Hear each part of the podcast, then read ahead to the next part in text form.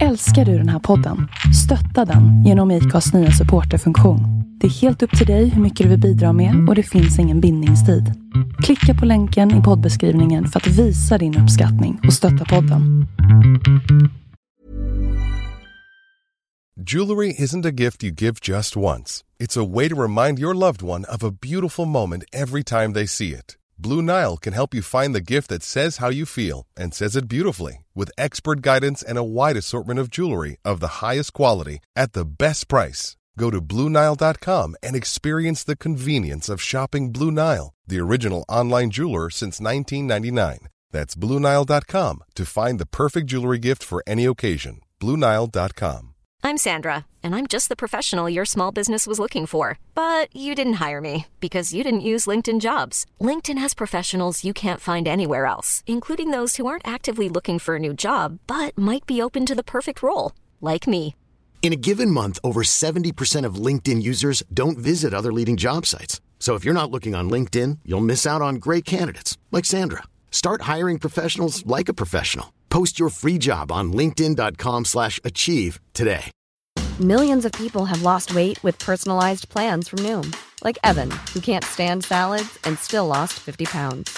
Salads, generally, for most people, are the easy button, right? For me, that wasn't an option. I never really was a salad guy. That's just not who I am. But Noom worked for me. Get your personalized plan today at Noom.com. Real Noom user compensated to provide their story. In four weeks, the typical Noom user can expect to lose one to two pounds per week. Individual results may vary. Hej kära lyssnare och varmt välkomna ska ni vara till ett nytt avsnitt utav Sveriges mest tongivande podcast Två låtar och en kändis. Veckans gäst är minsann en sann hockeylegendar med ett efternamn som andas hockeyhistoria. Han har under 13 säsonger i Brynäs tagit hela 6 stycken SM-guld och vid 94 tillfällen representerat Tre Kronor. Under den tiden fick han också ett VM-silver, två VM-brons och dessutom spela Canada Cup. Han har också fått Stora Grabbars utmärkelse och varit tränare för klubben i hans hjärta Brynäs under åren 1981 till 1987. Men framför allt har han också varit en betydande storebror till brodern Börje. Kära lyssnare, låt mig nu i sedvanlig ordning och med största stolthet och respekt välkomna Stig Salming. Tack så mycket. Du, var fantastiskt kul att få ha dig som gäst här i podden idag. Ja, det känns bra. Ja, det tog lite tid innan vi fick till det, men till slut så. Ja, det landade till slut. Det var lite besvär med att planera in det hela, men nu är vi där. Nu är vi här ja. Och det är jag ju så glad för med tanke på att Börje och Bianca sedan tidigare har varit mina gäster. Ja, då blir det fulländat snart då. Ja, det blir ju det nu när Stig är med här också. Du, jag måste ju naturligtvis fråga, hur står det till med Stig Salming en dag som denna? Ja, nej, men jag tycker väl att jag har landat någorlunda. Det är klart att det är sviterna efter det som har skett här nu med eh, min, eh, min frus bortgång och Börjes bortgång och min mammas bortgång under ett år här. Det är klart att det har tagit en hel del på mig. Det är ju självklart. Men eh, jag tycker att eh, jag känner som att jag har landat någorlunda. Jag har ju min familj ändå som stöttar och vi får hjälpas åt. Så att eh, nej men jag känner att jag är på väg upp på banan igen. Mm, underbart. Ja Stig, här sitter vi på O'Learys i Kungälv och eh, när man blickar ut här över väggarna så ser man ju massa hockeybilder och det är amerikansk fotboll och grejer. Det är ändå lite gott att bli påmind om idrotten. Ja, det är jättefint det här som har utvecklats i Sverige nu med sådana här sportbarer. Vi har ju O'Learys i Gävle också. Så att eh, jag har själv varit där och ätit och tittat på bortamatchen när Brynäs har spelat. Så att det är en jättefin miljö att gå och titta på idrott. Ja, men jag tycker det, för det är, det är inte alltid att man har alla kanaler och allt vad det nu är. Nej, men samtidigt så kan man gå ut och äta en bit med kompisar och sitta och titta tillsammans och begrunda och kritisera som många gör. Det var bättre förr. Ja, det finns ju de som tycker det. Fast jag försöker bromsa i alla fall för att eh, utvecklingen går framåt. Ja, det håller jag väl med om, men samtidigt så fasiken vet om det inte var lite bättre förr ändå. Jag vill nog landa där i alla fall. Ja, om man, om man eh, tittar på att, för jag menar hastigheten, den kan man ju lugnt säga att den har blivit bättre och de har blivit duktigare och de tränar bättre.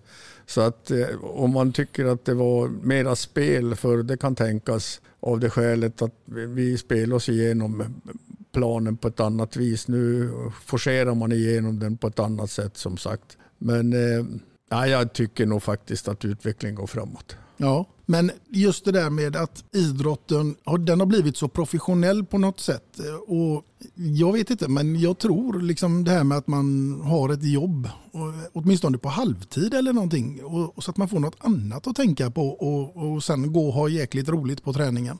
Ja, men det är ju så här, det är ju en liten klick som landar i den här professionella, professionella verkligheten så att säga.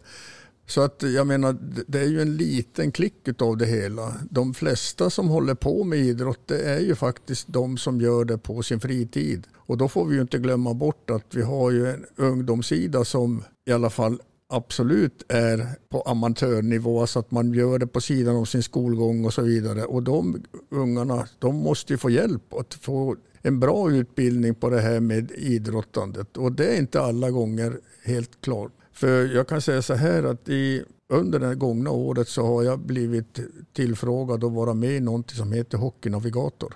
I Hockeynavigator sitter vi då några människor som har tagit på oss rollen att försöka hjälpa barn som kommer lite snett i idrottsvärlden av olika skäl. Det kan vara med mobbing, det kan vara ätstörningar, det kan vara psykisk ohälsa och så vidare. Och där ser vi ju då att vi har ett jättejobb framför oss. Och det är hockeymammor som har dragit igång det här i södra Dalarna. Och den håller på att växa sig stark här nu och kommer att lanseras en, en hemsida där man ska kunna då som ungdom gå in och söka sig fram och få hjälp utav Hockeynavigator. Mm. Och det där kommer att lanseras här i årsskiftet någonstans. Jag och Kurre Lundmark har blivit tillfrågade att vara som typ beskyddare i det här och vi har en massa ambassadörer som kommer att figurera för att tala om att vi finns och vi kommer att göra skillnad, det är jag helt övertygad om. För det är bara att konstatera att den bästa väg för barnen är att utvecklas som människor, det är inom idrotten i alla fall.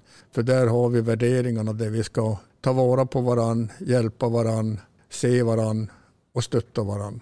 Mm. Så att jag tror att vi har ett jättejobb framför oss, alla vuxna runt omkring våra barn. Absolut Stig, och eh, idrotten är ju så mycket mer än bara idrott, precis som du säger. Det är ju verkligen någonting som förbrödrar. Och ja. försystrar också för den delen. Jajamän, och sen är det ju bara konstigt att vi pratade nyss om det här med eh, att vi har ju åskådare som också engagerar sig. det är ju, I alla led så har vi ju en anknytning till idrott på något vis. Mm. Så att eh, vi ska vara rädda om det vi har framför oss, om alltså de här barnen som verkligen blir de som vi ska titta på längre fram. Så att de får en så bra utbildning som möjligt och hitta hem i sin tillvaro. Det är jätteviktigt. Och framförallt så titta hur det ser ut runt omkring med alla dessa sprängningar och skjutningar så kan vi rädda några unga från att hamna i det där eländet så all möda värd. Verkligen. Ja det är ju naturligtvis så Stig att det är ju ofrånkomligt att komma in på din bror Börje men det är ju också så här att det här poddavsnittet det är ju också en liten hyllning till just dig Stig Salming och för allt det du har gjort för svensk hockey. Ja det låter fint. Jag får tacka för det, höll på att säga. Nej, men alltså det, Börje har ju gjort sånt avtryck när man tittar på det sista som har hänt här. Och jag har ju fått uppleva det i Kanada också vid några tillfällen, bland annat då under Kanada Cup när vi var ute på, ja, på olika ärenden där Börje hade privata saker han behövde uträtta. Och jag har ett minne från där vi var på en bank där vi kom in genom dörrarna där folk, det var fullt i banken och en av personalen ropade Börje kom fram och då flyttas allt folk och de klappade händer och de klappade honom på ryggen och ledde fram honom i stort sett. Han behövde inte stå i någon kö utan det var naturligtvis Börje skulle fram.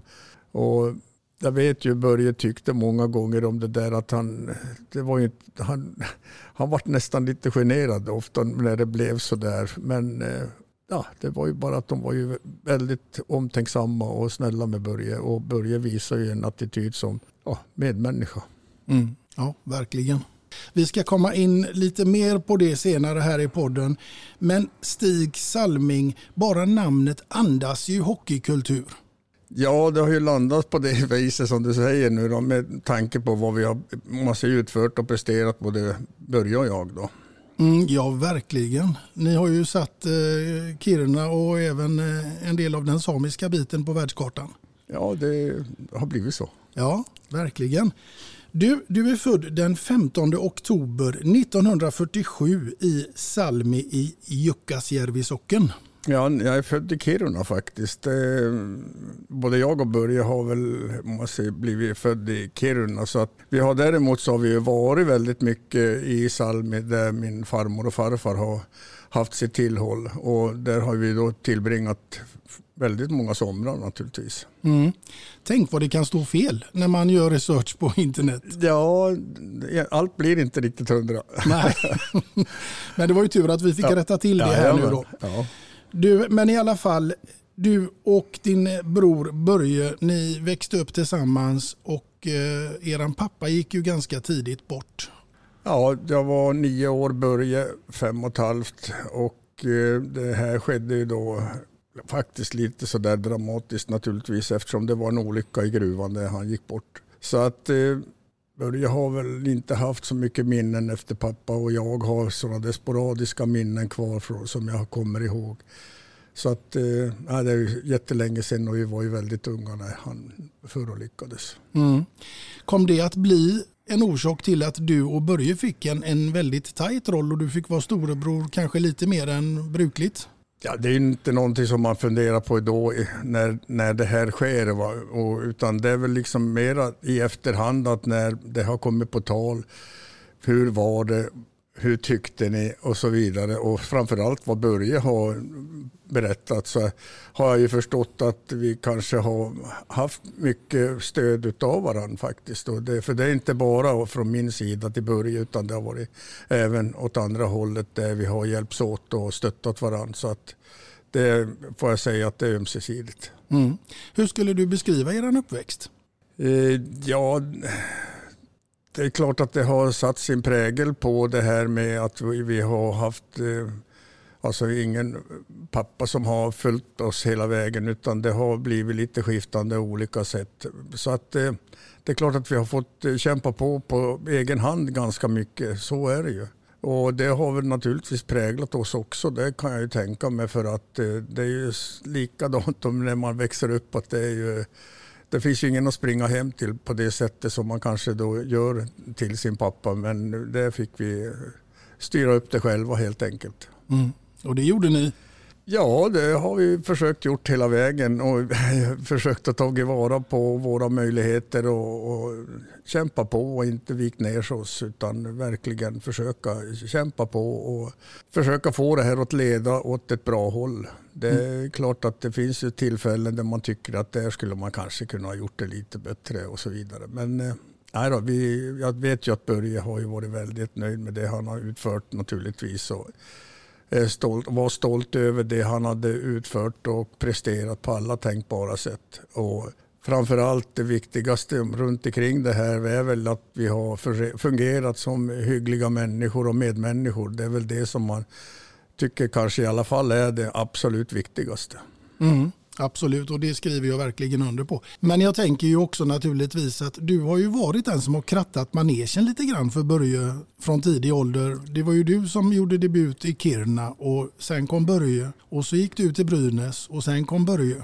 Ja, eh, det hade kunnat bli ändå längre va? men eh, nu hade jag redan familj på, och, eh, med tre barn när det aktualiserades att jag skulle eventuellt ha kanske få, eller jag fick ett eh, kontraktförslag från NHL och nej, jag kände att det, det, det, blir inte rätt det här. Va? Så att där bröts det ju för sig. Men samtidigt så kan man ju säga då att vi har ju följts åt då från, eh, från Kiruna och till Gävle och där har vi då vad ska vi säga, blivit färdiga hockeyspelare kan man väl säga. För Börje hade ju en otroligt fin utveckling när han kom till Gävle och spelade de här tre säsongerna i Brynäs. Det vart han ju liksom en väldigt, väldigt från lovande till en färdig hockeyspelare som kunde mäta sig med hela världens spelare.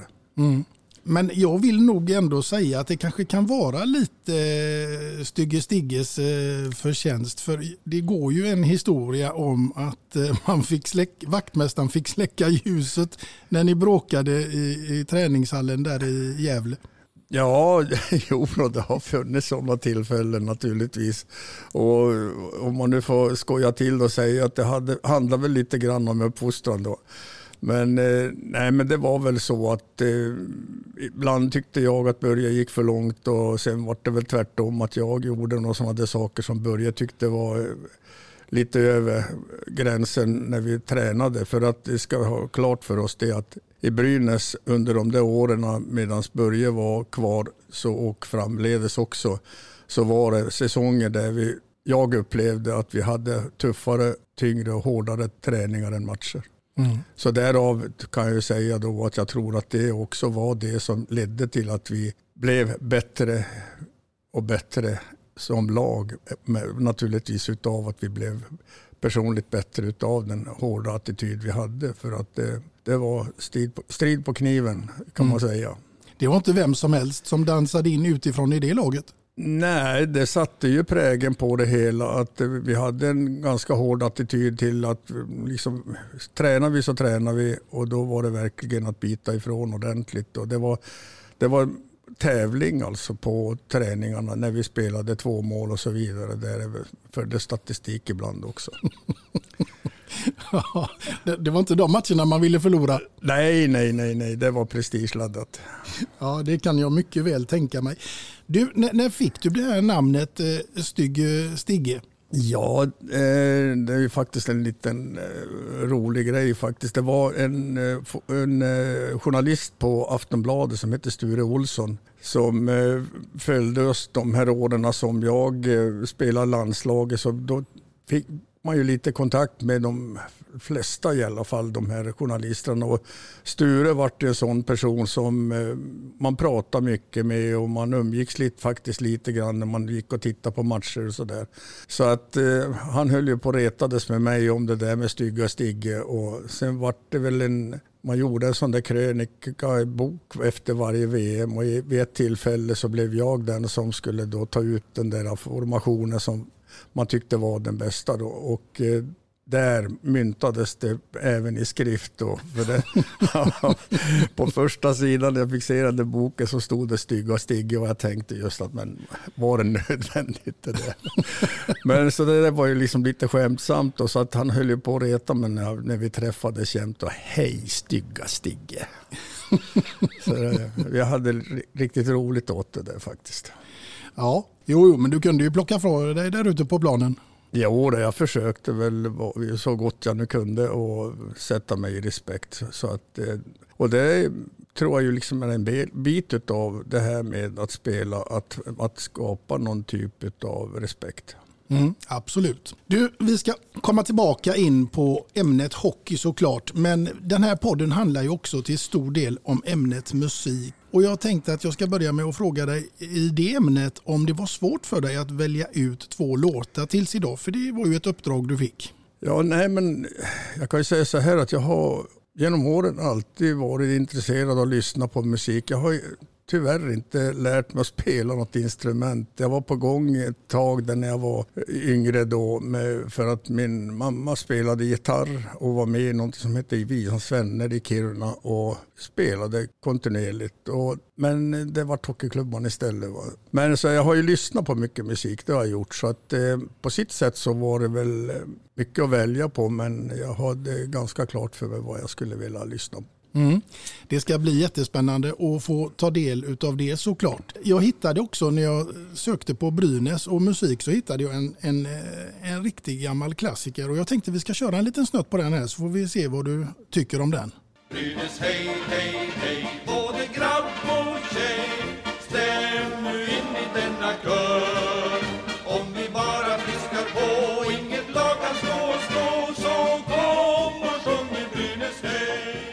Ja, det är en riktig klassiker. Den, den där låten kom till tror jag under mitt första SM-guld 69 någonstans. Det var en supporter, en sån där riktigt, riktigt, eh, el, riktig eldsjäl som eh, skrev det här och det där har följt oss sedan hela vägen. Mm. Du, eh, om vi tar oss ifrån det till vad som skulle kunna vara ditt absolut första minne till musik som du kan härleda till ifrån en sån där jättetidig ålder? Ja, då landade jag faktiskt i eh, vad ska vi säga, tredje, fjärde klass i skolan. Där någonstans skulle jag tippa att det, det, här kommer ifrån. Det är ju det här med Elvis och eh, Tommy Steele och, och sedan någon, den här Little Richard, han som sjöng de här Tutti Frutti.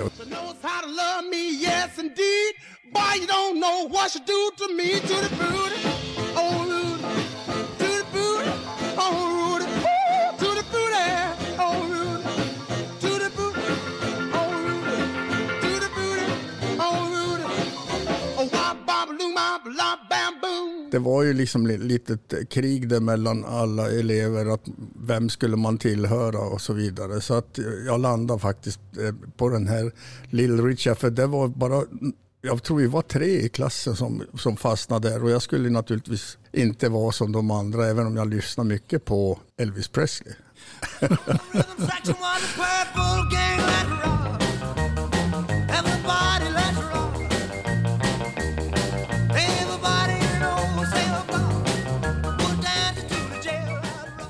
Du skulle vi, gå din egen väg? Ja, vi gick vår egen väg där jag och mina två kompisar och de var väl tvungna att följa med mig så att jag inte blev ensam.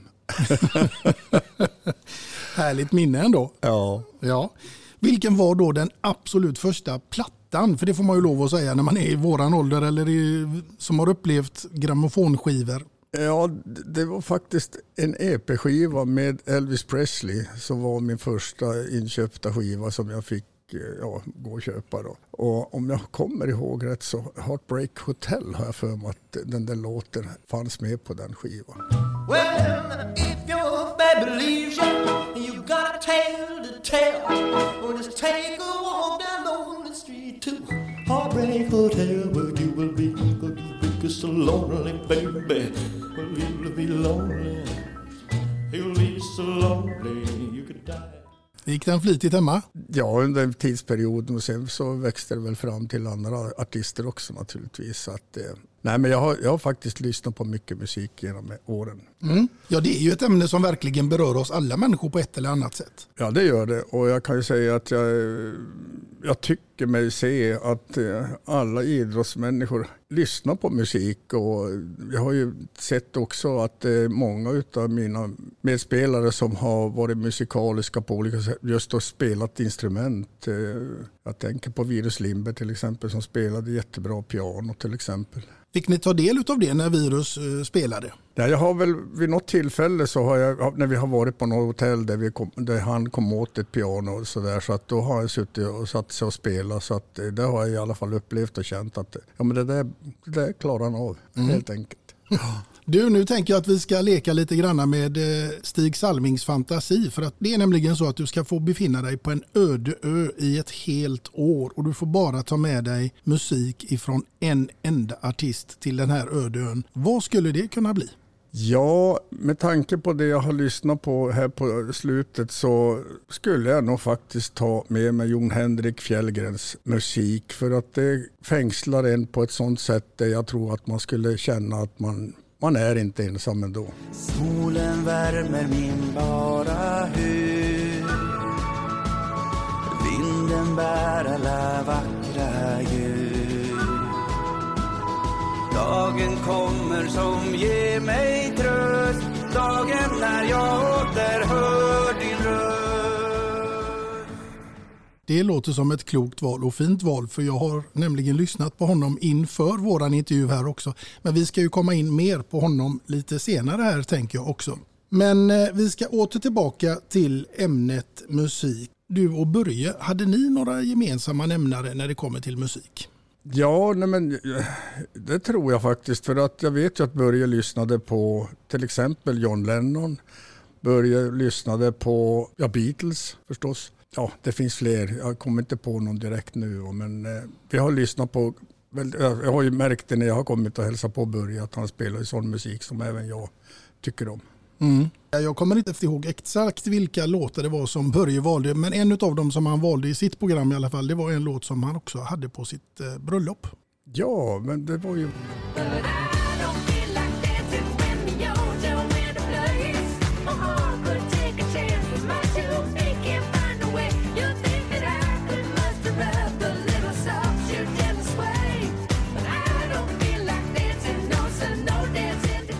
Han hade också starka minnen till musik i alla fall. Ja, absolut. Du, vi tar oss tillbaka lite grann till hockeyn igen. Vi svänger lite här mellan musik och, och, idrott idag. Eh, för det är ju en stor del av din eh, karriär som du har ägnat åt ämnet hockey såklart. Inte bara som spelare utan även som tränare för Brynäs. Är Brynäs din, din klubb i hjärtat? Jo, det får jag väl lov att säga. Även om jag då har vuxit upp med Kiruna AIF förstås. Det går ju inte att... Men jag har ju gjort det mesta med Brynäs. Alltså förverkliga man säger, min hockeygrej som spelare och så sedan fick jag äran att eh, försöka fixa Brynäs som tränare också under ett antal år. Jag brukar skoja till det och säga att jag har ju inte gått sådana där kurser som alla skulle behöva göra som de sa. De här steg 1, 2, 3, 4 på förbundet. Utan jag gick high school brukar jag skoja och säga. Jag gick high school hos Tigen Johansson och det fick räcka. Det var en kanonbra utbildning. Ja, det Under kan, en säsong. Det kan jag mycket väl tänka mig. Men du tog ju hela sex stycken SM-guld med Brynäs. Ja, jag hade den turen att få vara med i de här grupperingarna som lyckades ta dem där. Ja, de är inte riktigt där idag. Nej, det kan man ju lugnt säga. Att vi, vi, men alltså, samtidigt så kan man säga så här att alla lag, Brynäs var det sista laget som har fått kliva av SHL. Eh, alla andra har varit ut och vänt. Och jag hoppas och tror att Brynäs har möjligheter med tanke på den spelartrupp och det ledarskap man har idag så tror jag att vi har alla möjligheter att kunna vända och gå tillbaka. Mm. Och det hoppas jag och tror innerst, innerst, djupt inne. Ja, det tror jag också. Och hoppas om inte annat. Mm. Du, om jag säger den 10 april 1980, 15.31 in i den andra perioden. Ja, då antar jag att du, att du landar i ett avgörande mål mot Frölunda. Ja, helt rätt. Ja. Och det minns du väl förstås? Jo då, det gör jag. För jag gjorde inte så jävla många mål faktiskt. Så att det, det där målet kommer jag naturligtvis ihåg. Mm. Det finns andra som kommer ihåg det också. Ska vi, ja. ska vi höra vem det kan vara? Ja. Hej Stig! Anders Broström här. Eh, Frölunda som du kanske kommer ihåg. Först vill jag beklaga det som har hänt dig de sista åren här. Sen eh, har vi haft våra duster, kanske inte du och jag, men eh, våra lag mot varandra. Och eh, tyvärr så fick du avgöra finalen 80. Grattis till det igen. Lite surt för oss givetvis, men eh, det kanske var rättvist i sista änden, vad vet jag. Så vill jag önska dig en eh, riktigt god jul och gott nytt år. Och så kanske vi kan ses någon gång i framtiden här. Sköt om dig och lev väl. Hej då. Oj, vad fint. Ja, jag var hemma Härligt. hos eh, Anders igår faktiskt och eh, berättade att jag skulle ha dig som gäst och, och, frågade om han hade lust att skicka med en hälsning och det ville han så mer än gärna göra. Ja, och tack för det och så får du tillfälle så hälsa tillbaka så mycket. Självklart. Vi, som sagt, vi hade våra duster, även som han nu sa då, att vi kanske inte hade dem personligt. Men jag kommer faktiskt ihåg att vi, vi tävlade nog en hel del om vad, att försöka få den där makten på plan. Bägge två. ja, ni var ju ganska hårdföra backar av ett virke som inte ses så mycket idag. Ja, nej, men det, vi hade väl de positionerna i laget där vi skulle liksom försöka vara lite mer och bestämma. Så att, eh, ja, det stämmer bra. ja, så slutade det eh, med SM-guld till Brynäs då 1980 efter att du då gjorde det avgörande målet.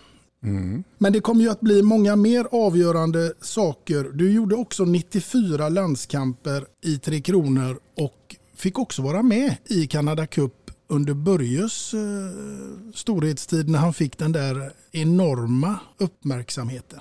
Ja, alltså det är inte för inte som jag förstår att, att man har valt det där till århundradets tillfälle när vi var på det här jubileumet. Och, alltså, jag hade inte, jag tror ingen hade förväntat sig att det skulle leda till det där under den där man säger, presentationen. Så att eh, jag satt i båset och eh, Börjes namn ropas upp och sen så drar det igång och jag sitter i båset och jag funderar på vad är det som händer.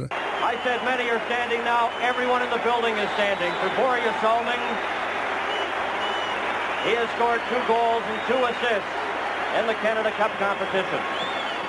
Och det vill ju inte ta slut och jag känner bara att jag håller på att tappa kontrollen så att jag är tvungen att titta ner i golvet för jag skulle ju in nästa byte så att det gällde ju att försöka hålla fokus på något sätt. Men alltså det, det kändes alldeles sanslöst stort att få se lillebror få den där uppskattningen. Det var otroligt. Mm. Ja, verkligen. Eh, jag har sett den flera gånger på Youtube. Den ligger ju där och det, man får ju rysningar i kroppen. Ja, det, jag, jag känner att eh, det tar på mig varje gång jag ska försöka förklara den där situationen. För man, man landar ju mitt i den på en gång för att eh, ja, det är så speciellt. Mm, ja, det är helt otroligt. Du, vilken är då den mest minnesvärda matchen som du har spelat tillsammans med din bror? För ni gjorde ju ett antal matcher ihop i Tre Kronor och i Brynäs. Gjorde ni så många i Kiruna? Eh, vi spelade en vårsäsong tillsammans i Kiruna AIF då precis innan jag stack iväg. Eh, så att jag har spelat med Börje i Kiruna AIF, det har jag gjort. Och sen när Börje kom till Brynäs eh, så satte ju Sandlin ihop mig med Börje som ett backpar och vi spelade väl två säsonger ihop. Det tredje så särade han på oss och skälen till det, det jag, jag har inte det hundra. Men eh, jag kan tänka mig att vi skulle få någon annan partner. Jag vet inte riktigt vad Sandlin hade i kikan där. Eh, men eh, sen så under den här tidsperioden så var vi uttagna till landslaget bägge två och spelade tillsammans under Bill Harris tider. Och det var väl under Börjes andra år, 72 måste det ha varit. Så att då spelade vi faktiskt första, första landskamperna tillsammans. Och sen har vi väl inte spelat i samma backpar direkt men vi har ju spelat en, en hel del landskamper tillsammans ändå. Mm. Så att jag har väl ingen sån där riktig match som jag kan erinra mig så där direkt att det var det tillfället. Nej, jag har inte det. Nej. Du, ehm, åter tillbaks lite granna här nu till musikens ämne. Därför att nu är det så att vi börjar och landa in lite granna här i Stig Salmings första låtval som jag är extremt nyfiken på vad det skulle kunna vara och med vem och inte minst varför. Ja, om vi börjar med låtvalet så ska vi säga så här då att det är Imagine med John Lennon. Och låten som jag har valt tycker jag är för det första den är så aktuell på sitt sätt när man tänker sig runt i världen hur det ser ut. Att det, det skulle behöva lyssnas på om och om igen utav alla ledare som håller på i den här världen. Sen så är det en låt som Börje själv ville ha på sin begravning så att den spelades där. Och jag själv har lyssnat på Imagine, jag vet inte hur mycket hemma tillsammans med min fru så att jag har minnen från det. Så att det är en klockren första låt tycker jag.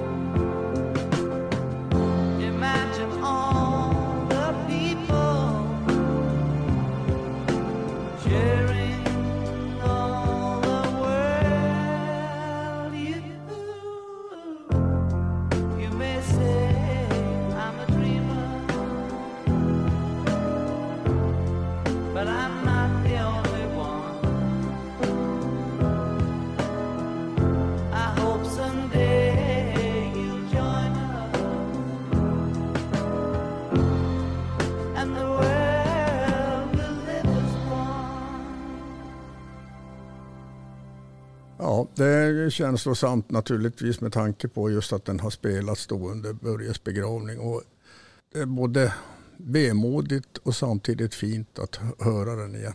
Mm. Det kan jag förstå.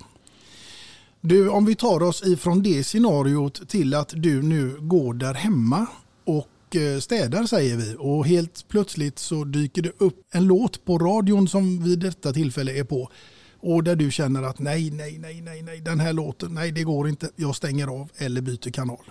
Jag är väl ingen sån där dansbandsmänniska så att eh, det lyssnar jag aldrig på egentligen. Annat än att eh, om det dyker upp på tv så lyssnar jag ju. Men jag spelar det aldrig själv.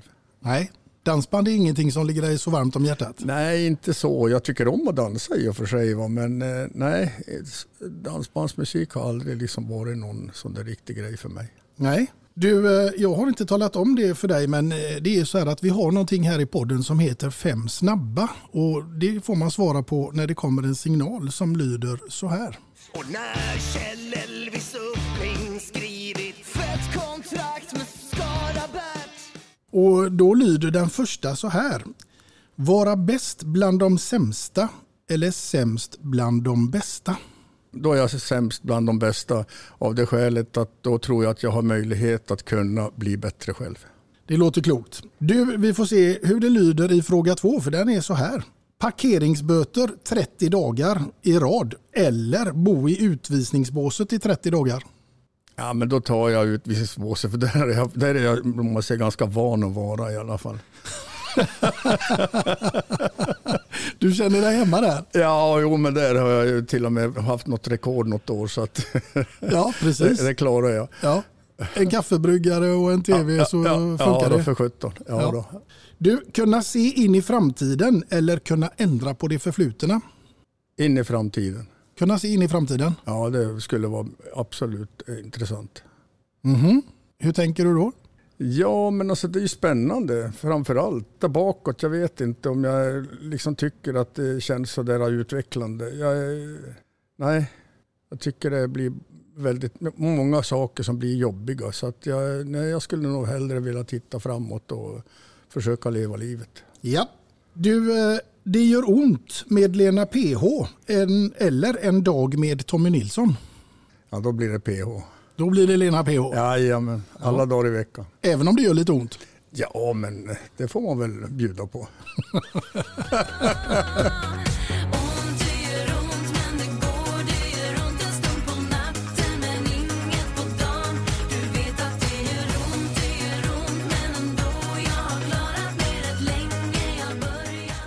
Ja.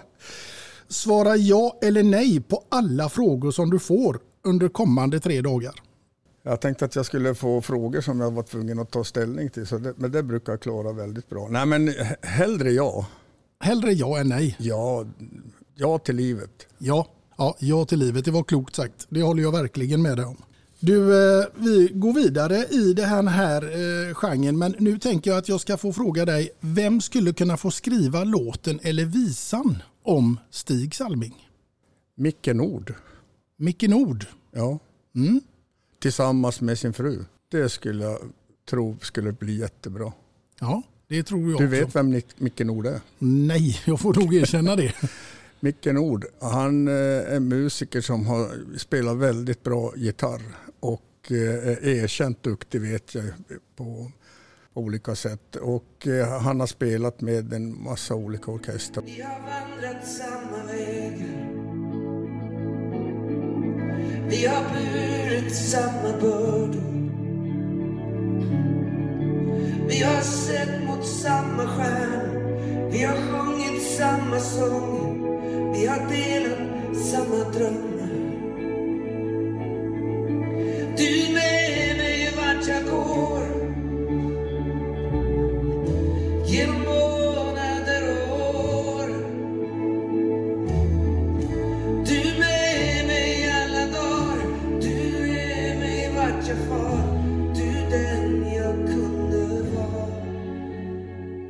Han har gjort eh, någonting väldigt fint nu här i, ja, under en tid tillbaka med att spela Afzelius musik tillsammans med några av grundarna utav gruppen. Så att eh, Micke Nord skulle jag välja direkt.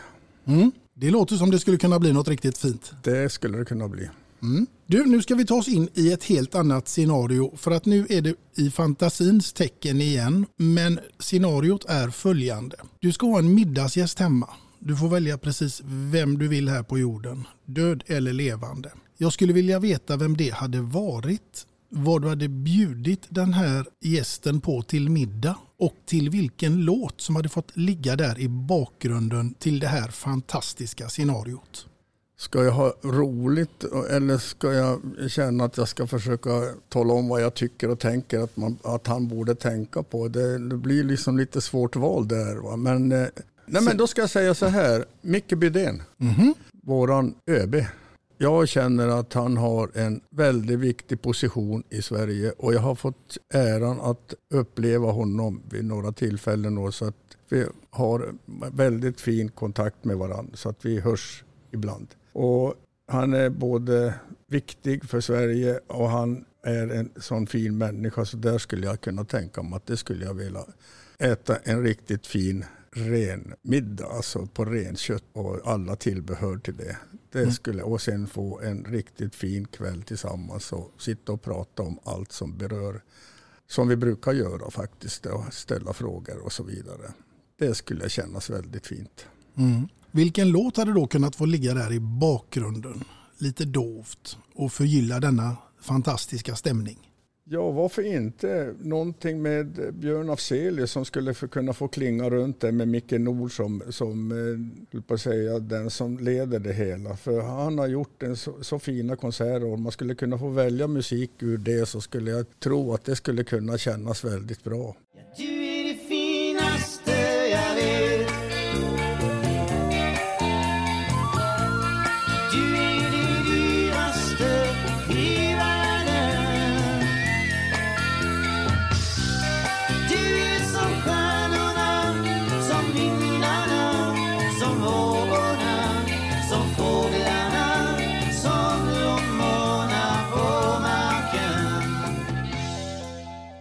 Det hade nog kunnat bli en riktigt fantastisk middag som man gärna hade velat vara en liten fluga på väggen att få bevittna. Du, vi tar oss till ett helt annat scenario men dock så roligt. För nu är det så här Stig att du är i final i Let's Dance och jag vill nu veta med vem du hade dansat. Och naturligtvis är det som tidigare bara fantasin som sätter gränserna. Och jag vill också då också veta såklart till vilken låt ni nu hade dansat till i denna final. Ja, det skulle absolut, om man säger fritt val, då skulle jag absolut vilja få dansa det med Lena, min fru. Mm. Eh, och låtvalet, jag skulle valt någonting med Roy Orbison. Någonting med Roy Orbison? Ja. Ja. Hade det blivit en svängig låt eller hade det blivit lite lugnare? En lite lugnare variant, eh, det hade det blivit. I close my eyes Then I drift away Into the magic night I softly say A silent prayer Like dreamers do Tillsammans med din fru. Nu tror ja. jag att eh, ni hade gått ganska långt här och vunnit alltihop. Tror du inte det? Ja, vi hade satsat på det naturligtvis. Såklart. Såklart. Ja. Du, när vi ändå är inne på det här med eh, Let's Dance och så vidare så tänker jag ju att eh, det fanns en kille i Kanada som ville bjuda upp till dans någon gång i, i hotellets restaurang. Kan han ha hetat Phil Esposito?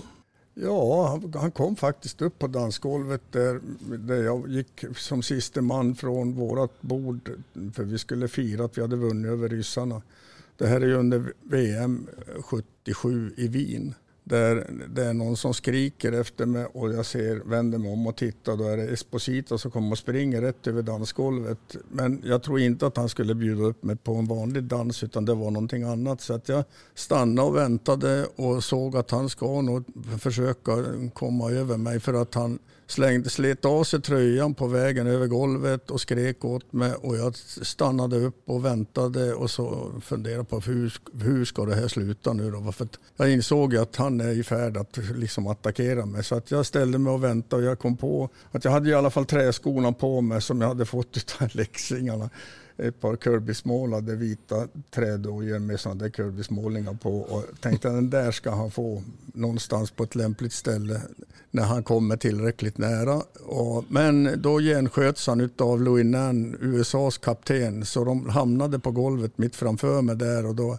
då klappade jag med skon så där i golvet och så visade jag med fingret fram och tillbaka så här och så ruskade jag på huvudet. Inte den här gången heller. så att eh, det var nog lite, lite pinsamt och jobbigt för han. Så att eh, ja, där, där skildes vi åt i alla fall. Ja. ja, det hände inte mer. Nej. Har ni sett sedan dess? Eh, jag har sett han, man ser på ett VM i Stockholm vid något tillfälle då han var någon typ av general manager för landslaget som var här och spelade då. Men eh, han tittade på mig men han bara lyfte bort blicken och gick vidare. Och sen har jag varit till eh, till New York med familjen då när vi första gången vi åkte över till eh, Börje då som jag kunde åka över efter jag hade slutat träna Brynäs. Och då var vi till New York för Thomas Sandström spelade där som jag hade haft i Brynäs. Så att han fixade ju biljetter och allting till oss och vi sågs där och såg matchen. Och sen så sa han att nu kommer ni ner till våran våning där vi sitter och äter efter, efter matcherna så får vi se om inte du får träffa Phil där då. Men när jag kom ner dit då efter matchen så visade det sig att Phil Esposito hade fått magsjuka så att han var hemma. Han ville inte vara kvar. Vad var så det så? Ja, jag, jag, jag, kan ju inte tänka annat än att han måste ha tyckt att det var eh, att jag förnedrade honom på något vis. Någonting sånt kan jag, jag kan inte tänka mig någonting annat egentligen. Det var det som föranledde alltihopa, eller var det någon tackling du gav honom? Nej, det, vi hade någon träningsmatch inför VM där 77 då när vi åkte till Wien. Då var vi i Göteborg och spelade och där var det väl lite sådana där situationer. Jag körde väl på någon kanadensare i alla fall som de fick, fick ta hjälp av ut där. Och då var han ju på, på mig som fasen där och skulle liksom läxa upp mig. Va? Men eh, jag vek inte ner mig i alla fall. Utan, så att jag antar att det är någonting med att han tycker att inte jag han kunde inte bestämma över mig. Men det var väl någonting som inte var bra. Nej, det slutade hur det än må vara lyckligt. Ja, ja, ja, ja, han säger ju i någon bok där att han tycker om alla svenskar men except one. Så det är väl jag då antagligen som figurerar i det uttalandet. Ja, ja, ja man heter ju inte Stygge Stigge för skojs skull. Nej, just det. På plan. I'm Sandra, and I'm just the professional your small business was looking for. But you didn't hire me because you didn't use LinkedIn jobs. LinkedIn has professionals you can't find anywhere else, including those who aren't actively looking for a new job but might be open to the perfect role, like me. In a given month, over 70% of LinkedIn users don't visit other leading job sites. So if you're not looking on LinkedIn, you'll miss out on great candidates like Sandra. Start hiring professionals like a professional. Post your free job on linkedin.com slash achieve today. Millions of people have lost weight with personalized plans from Noom. Like Evan, who can't stand salads and still lost 50 pounds. Salads generally for most people are the easy button, right? For me, that wasn't an option. I never really was a salad guy. That's just not who I am. But Noom worked for me. Get your personalized plan today at Noom.com. Real Noom user compensated to provide their story. In four weeks, the typical Noom user can expect to lose one to two pounds per week. Individual results may vary. Hey there, it's Michelle Norris. I'm host of a podcast called Your Mama's Kitchen. When I travel, I'm usually looking for a way to find a taste of home when I'm not at home. And one of the things I love to do when I am at home is entertain. And Airbnb allows me to do that. When I was in California recently, I rented a house that had a great kitchen. And when we were sitting around the table, we're all thinking, we're in someone else's house. Someone could be in all of our homes as well. If you have a home, but you're not always at home, you have an Airbnb. Your home might be worth more than you think. Find out how much at airbnb.com/slash host.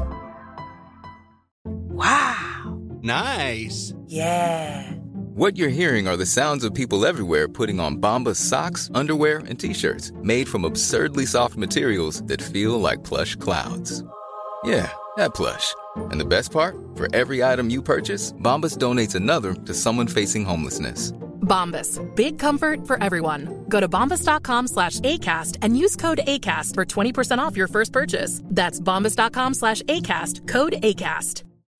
When you need mealtime inspiration, it's worth shopping Kroger, where you'll find over 30,000 mouth-watering choices that excite your inner foodie. And no matter what tasty choice you make, you'll enjoy our everyday low prices, plus extra ways to save, like digital coupons worth over $600 each week. You can also save up to $1 off per gallon at the pump with fuel points. More savings and more inspiring flavors make shopping Kroger worth it every time. Kroger, fresh for everyone. Fuel restrictions apply. ja. Du, vi tar oss ifrån det till sagornas värld, för jag tänker att du är väl väl bevandrad med eh, sagan om Snövit och de sju dvärgarna?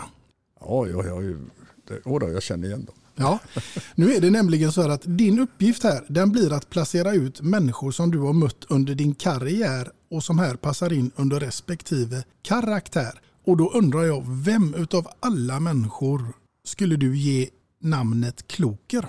Ja, som hockeyspelare då, då, då landar det ju naturligtvis på, alltså som hockeyspelare, då får jag säga Virus Lindberg. Virus Lindberg får bli Kloker. Ja. Ja, vi tar oss ifrån Kloker och tills dess raka motsats och då hamnar vi ju hos Toker. Ja, toker, alltså för att, nu har jag inte tokig för att det var ju en alldeles sanslöst fin människa, Ville Löfqvist. Men han hade så mycket galenskaper för sig och var alltid en sån där som alltid höll uppe den glädjande nivån i omklädningsrummet och på resor och så. Så att jag, jag, jag sätter det på Ville Löfqvist. Ja, var det lite sönderklippta kallingar och sånt? Nej, men slipsar vet jag att det är någon journalist som har blivit blivit utsatt för när han hade somnat i en buss. Det, det, bland annat det. Men han hade sådana här hys för sig, Ville, och han var jättefin. Ja, verkligen. Ja. Ville Löfqvist får den. Ja. Du, vi tar oss från eh, Toker till Trötter. Ja, men då säger vi Börje. Börje får Trötter? Ja, han var väldigt mycket trött där under de där åren när han kom till Gävle, får jag lov att säga. Ja, fick du sparka liv i honom? Ja, vi gick ju i skolan. Vi skulle ju utbilda oss där under några år men han hade svårt att komma till skolan i tid. Va? Så att det, det mynnade ju ut i att han, han fick sluta efter första, eller första terminen. Va? För han insåg att det här går ju inte. Ja, han hade lite besvärligt med tiderna faktiskt. Ja, du vi tar oss från Börje och Trötter till Butter. Ja, du höll på att säga att det landar ju på mig själv. Det landar... för, jag, för jag har aldrig tyckt om att, att förlora. Och, men det hade jag ju många fler som inte gillade det och Tord Lundström var väl en av dem också. Så att, eh, ja, men vi sätter det på Tord om inte jag får välja mig själv. Jo, men det får du. Ja, ja men då sätter jag mig själv. Ja. Jag är en otroligt dålig förlorare. Ja, Stygge Stigge får den. Ja, om det, inte, om det inte syns så inombords så är det så. Ja. Du, då tar vi oss ifrån Butter och tills dess raka motsats och då blir ju det Glader. Ja, det hade kunnat bli Wille Löfqvist det där också. Va? För att han var himmelens glad och ja, utåtriktad på alla tänkbara sätt. Va? Så att, eh, ja, jag, jag måste säga det, jag vill. Han får två? Ja, han får två. För de där karaktärerna, det, det vill upp i dagen alltså. Mm. Nej, men då, då får Ville den tycker jag. Ja. ja. Du, vi tar oss ifrån Ville och Glader till Blyger. Ja, Stig Östling, otroligt duktig hockeyspelare på alla sätt och vis. Men han var ju en eh, sån kille som inte gjorde så stort väsen av sig. Men, eh, så att vi sätter honom där då. Han får den? Ja, han har spelat med väldigt många matcher. Och han märktes lite men gjorde väldigt mycket nytta. Var en fantastisk hockeyspelare. Mm. Gjorde inte, jag tror att han gjorde uppåt 170 landskamper och är inte uppmärksammat på rätt sätt får jag lov att säga. För han har verkligen gjort avtryck på sitt sätt att spela hockey. Alltså. Mm. En underskattad spelare. Absolut. Mm. Du, eh, vi tar oss ifrån Blyger till Prosit. Ja, Börje hade ju, om jag nu ska leta någonting så kan jag ju säga att början hade en jädra problem med, med eh, bihålor och och ju hade verkliga bekymmer med det. Och att komma in i ishallen på höstarna det var ju ett elände för Börje på grund av att han var utsatt för det där. Ja men det blir Börje. Börje får den. Ja, ja. fast han, han spelar jämt ändå. Va? Men det var ytterst sällan som han vek ner sig för det. Va? Men just att ha besvär med, med lite prosit då. ja, ja, men då, han får ta den Börje. Ja, Börje får ta den. Du Stig, nu är det så spännande och roligt att det har blivit dags att få komma in på låtval nummer två som jag är väldigt nyfiken på vad det skulle kunna vara och med vem och inte minst varför såklart. Eh, då blir det Jon Henrik Fjällgren och skälet till det är att jag har fått eh, tagit del som sagt av honom under flera tillfällen. Börjes begravning, matchen för Börje i Monitor Arena.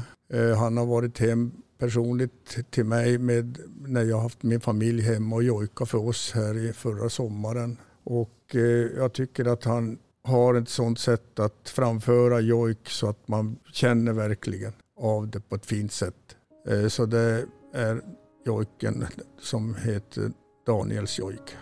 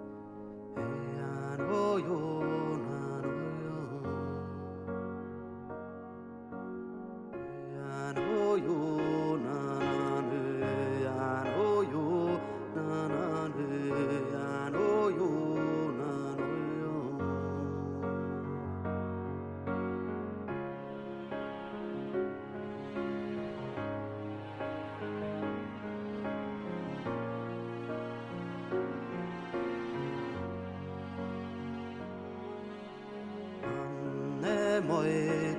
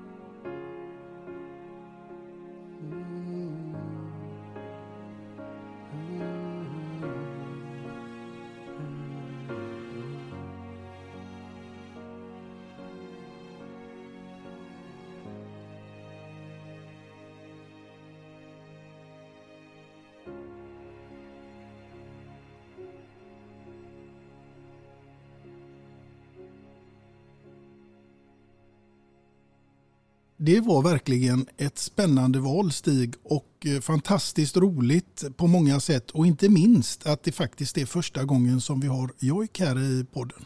Ja, är, man kan ju säga så här att jag och Börje, vi har ju alltid när vi har fått tillfälle försökt att stötta samerna.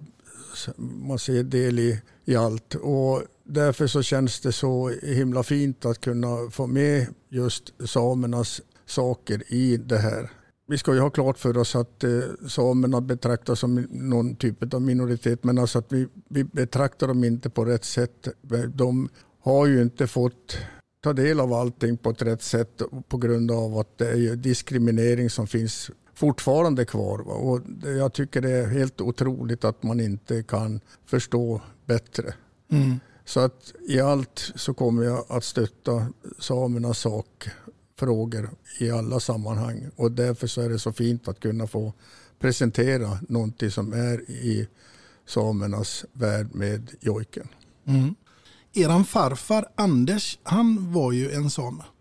Min farfar var ju, alltså, hans pappa var same hel, man säger hel. Men eh, han hade ju, vad jag har förstått, så hade han renmärke. Så att han eh, höll ju på med någon typ av renskötsel i alla fall vad jag har förstått.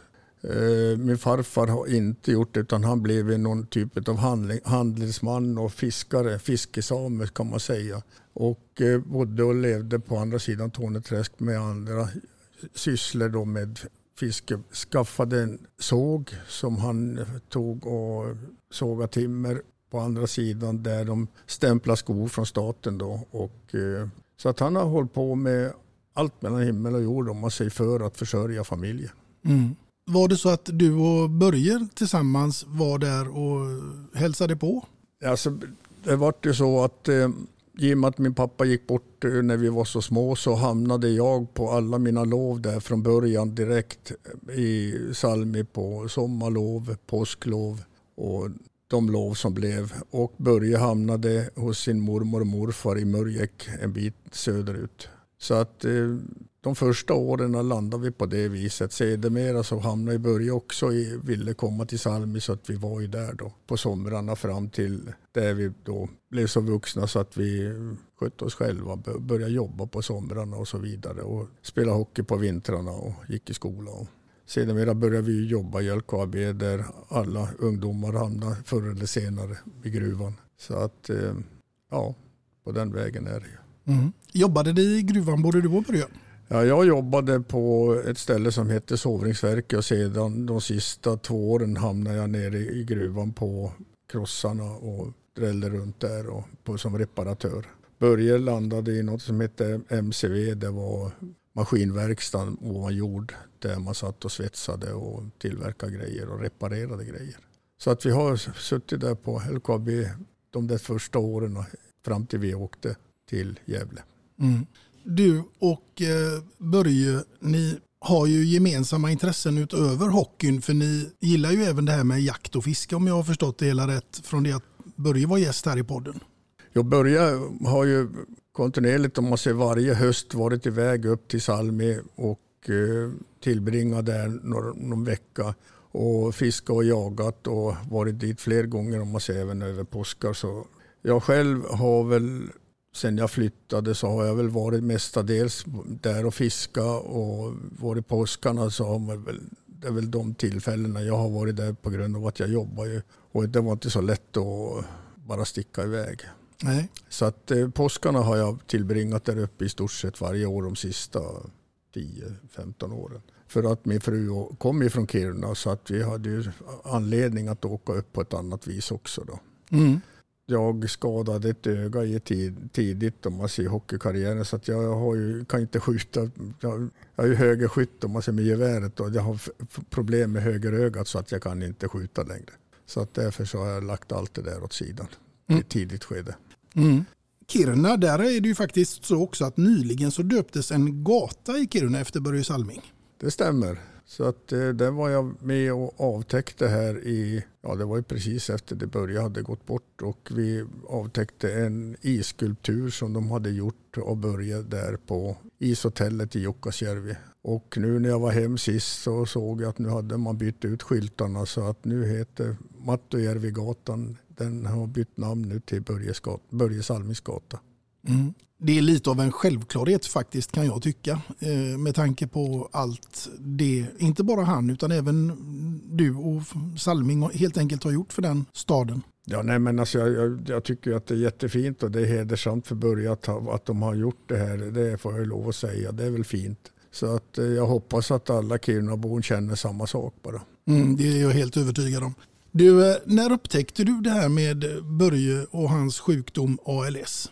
Ja, vi var iväg till eh, Kanada i början på maj samma år som Börje gick bort och då kände jag att det här är någonting som inte riktigt stämmer. Alltså för, och det, ja, det var faktiskt ändå tidigare. Vi var uppe i januari. Så var det. det vi hade, var två resor som vi var till Kanada och där i januari så tyckte jag att Börje såg lite, jag ska inte säga sliten ut, utan han var så dämpad. Så att jag kände att det är någonting som inte stämmer. Och det där växte väl sedan mer och mer varje gång jag träffade honom. Att den där oron, att vad är det för någonting? För att han sa ju ingenting själv riktigt. Utan det kom väl lite längre fram där då när vi åkte den andra gången till Kanada där i början på april. För då märktes det ju i allra högsta grad att det är någonting som inte stämmer. Och Börje själv sa ju att det är någonting som inte funkar. Eh, han blev lite mer försiktig och så här. Va? Och sen fick jag, eller vi blev kallad hela familjen hem dit till Börje och Pia och då fick vi domen i slutet på maj. Mm. Att det var ALS. Det var bekräftat där, där och då. Och ja, jag säger bara hemska tanke. Det är fruktansvärt hur, vilken sjukdom och sedan för Börjes skull att 71 år gammal man får en dom där man ser att det här kan inte gå bra utan det går bara utför. Mm. Bestämdes det tidigt att det då skulle startas en stiftelse?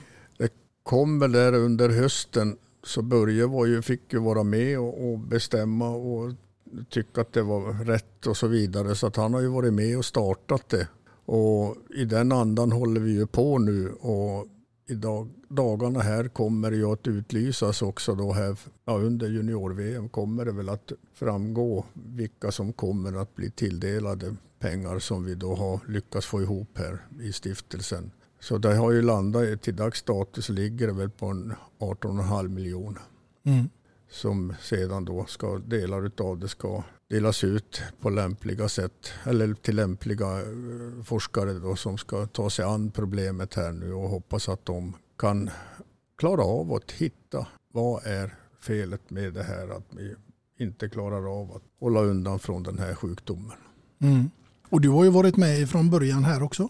Ja, jag har varit med från början och hjälpt till och försökt att eh, bringa man sig så mycket uppmärksamhet som möjligt för det här ALS-stiftelsen i Börjes namn. Och eh, vi hade en hockeymatch i Gävle i februari som inbringade 10,5 miljon. Oj! Ja, och det var ju en fantastisk tillställning som Brynäs och eh, Torontos veteranlag kom över och spelade med gamla Tre Kronor. Och det var en jättebra början för att man ska visa upp vad stiftelsen vill åstadkomma och så vidare. Så att nej, vi, vi är på god väg och vi får, som jag sagt då när vi fick möjligheten att ta emot de här pengarna på vid ett tillfälle där jag sa att vi måste hålla den här vågen rullande så att vi hänger med hela vägen nu och aldrig släpper taget utan håller det här levande på alla tänkbara sätt att förstå att vi måste hjälpas åt för att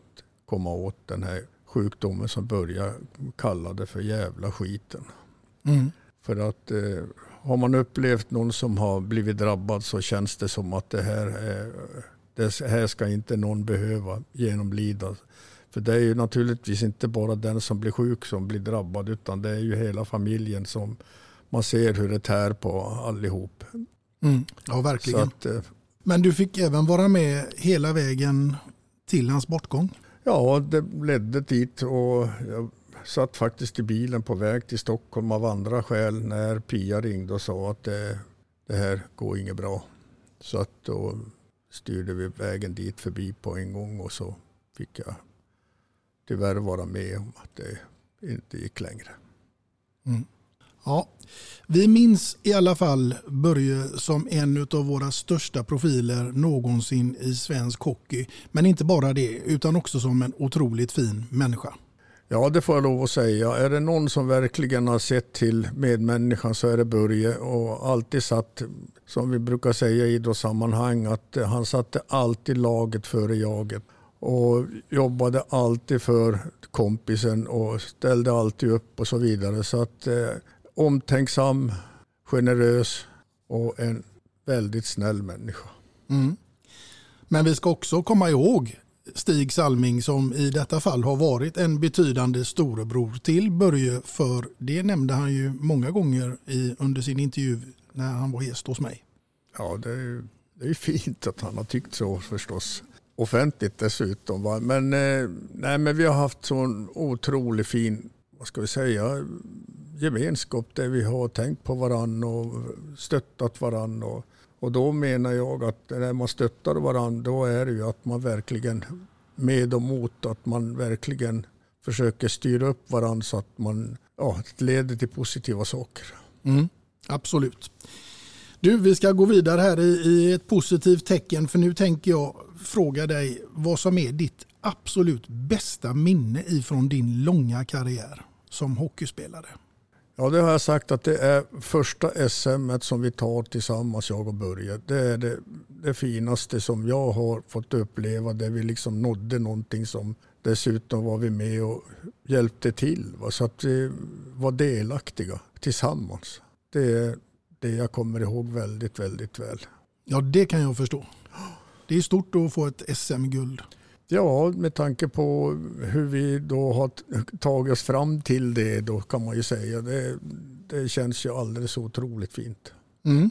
Du, om vi eh, kommer in eh, på ett eh, annat scenario här så tänker jag att jag ska fråga dig. Om du hade varit i min roll programledare för den här podcasten, vem hade du helst velat ha framför dig då som gäst?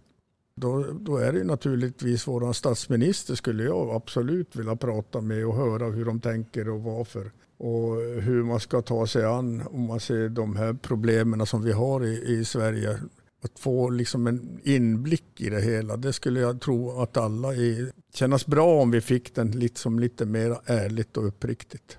Mm. Annars så tänker jag att jag har eh, ett namn här som jag nu har fått genom dig kan vi ju säga. Och det är ju en jojkare som jag hade tänkt att det skulle vara intressant att få prata med. Ja, i och för sig. Eller så skulle vi säga så här att jag skulle ta hit min gode vän Lars-Jon Allas som är renskötare uppe på andra sidan Torneträsk i Talma, Talma sameby. Det skulle kunna vara någonting som vi skulle kunna få väldigt mycket intressant ur. Han har varit tidigare ordförande i Sametinget och så vidare. Så att han har, skulle kunna ha väldigt mycket att till, tillföra oss. Mm. Spännande, bra tips jag får här nu. Ja, det... Om vi går in på lite allvarligare saker. Vad innebär ordet livskvalitet för Stig Salming? Ja, det landar i att få vara frisk, njuta av livet. Det känner jag som det absolut mest primära. Att få känna att man orkar stiga upp och känna att man har dagen framför sig och kunna göra någonting av den utan att behöva vara orolig och ängslig för att man känner sig sjuk eller som jag har sett nu så många gånger. Mm. Min fru gick ju bort i cancer och det skedde på ett halvår därifrån vi fick reda på det till man är borta. Så att jag menar, och likadant med Börje, även min mamma, det var kort tid. Så att eh, varje, ta vara på varje dag, det tror jag faktiskt att vi ska tänka på. Att det, vi vet aldrig vad som längre fram, men vi måste leva för att känna att ta vara på livet. Mm, absolut, det håller jag till 100% med om. Du, eh, nu tänker jag att jag ska fråga dig lite grann hur dina morgonrutiner ser ut. Även om Börje var trött så är Stig kanske den som är morgonpigg. Jag var tidigare så ska jag säga att då var jag väldigt morgonpigg och så här. Va? I och för sig, alltså när jag väl vaknade så flingnade jag till fort. Men eh, jag har ju inte blivit så där så att jag eh, sprätter upp klockan sex på morgonen. Nej, det har jag aldrig gjort efter det jag varit pensionär. Utan jag, jag sover till jag vaknar där framåt åtta nio och sen äter jag en frukost som är någorlunda vettig med fil och kokta ägg och sådär. Så att, eh, mm. Nej, men det är väl min morgon det. Mm. Jo, det är nämligen så här Stig att det jag fiskade efter det var om kaffet är viktigt för dig på morgonen. Nej, kaffe är inte viktigt för mig på morgonen. Men däremot lite senare då så kan jag dricka kaffe. Men jag har, och Börje har aldrig varit sådana där riktiga kaffemänniskor från tidig ålder. För att jag vet att de har gjort någon film vid något tillfälle där de presenterar det är någon kvinna som är servitris på där vi sitter och fikar som ofta står på ishallen där i den där filmen. Då, då säger hon att ja, här sitter de och dricker kaffe och före match men bröderna Salming de ska ha te. Så det var lite roligt. Det hade ju alla spelarna lite roligt åt att vi inte drack kaffe. Så att ja, som Kirunabo dessutom så borde man ju dricka kaffe. Det har jag ju förstått. Men kaffe har jag börjat dricka sen, lite senare i livet. Ja. Men oavsett om du dricker te eller kaffe så tänkte jag att jag ska få be och bidra med någonting till dina morgonrutiner som ett stort tack för en fantastiskt trevlig poddstund. Och det är med en mugg där det står två låtar och en kändis och givetvis då ditt namn ingraverat på baksidan. Och den hoppas jag och önskar att du kommer att använda som ett fint och trevligt minne ifrån denna stund.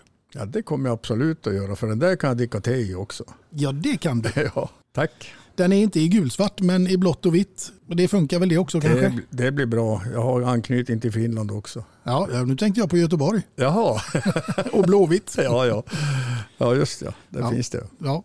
Om du kommer till eh, den här frågan. Göteborg för alltid eller Stockholm för alltid? Ja, jag säger bägge det. För att jag kan säga så här. Eh, Göteborg, när vi åkte ner hit och spelade mot Frölunda så har jag i alla fall alltid betraktat det här som en alldeles otroligt bra idrottsstad.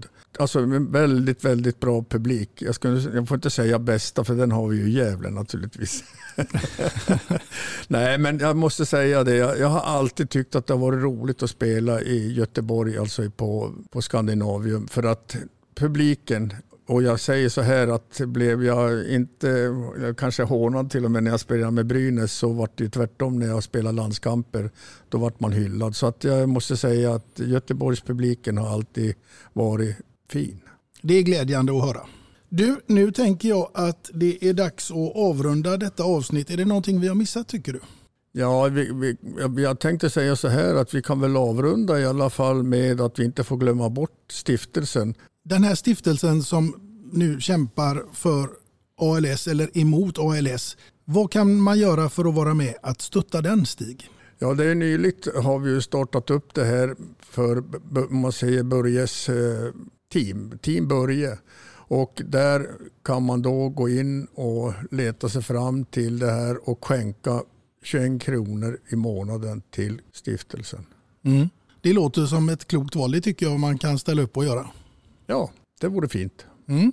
Och med det sagt så får jag ju naturligtvis tacka dig Stig för att du ville medverka här i podden Två låtar och en kändis och på många sätt göra den komplett med eh, tidigare gäster Börje och Bianca. Tack att jag fick vara här. Ja, det har varit en stor ära och till er kära lyssnare så hoppas jag ju självklart att ni följer med i nästa avsnitt och vem som sitter framför mig då, det återstår ännu att se. Men tills dess så får ni ha det så gott där ute allihopa. Hej då! Hej då!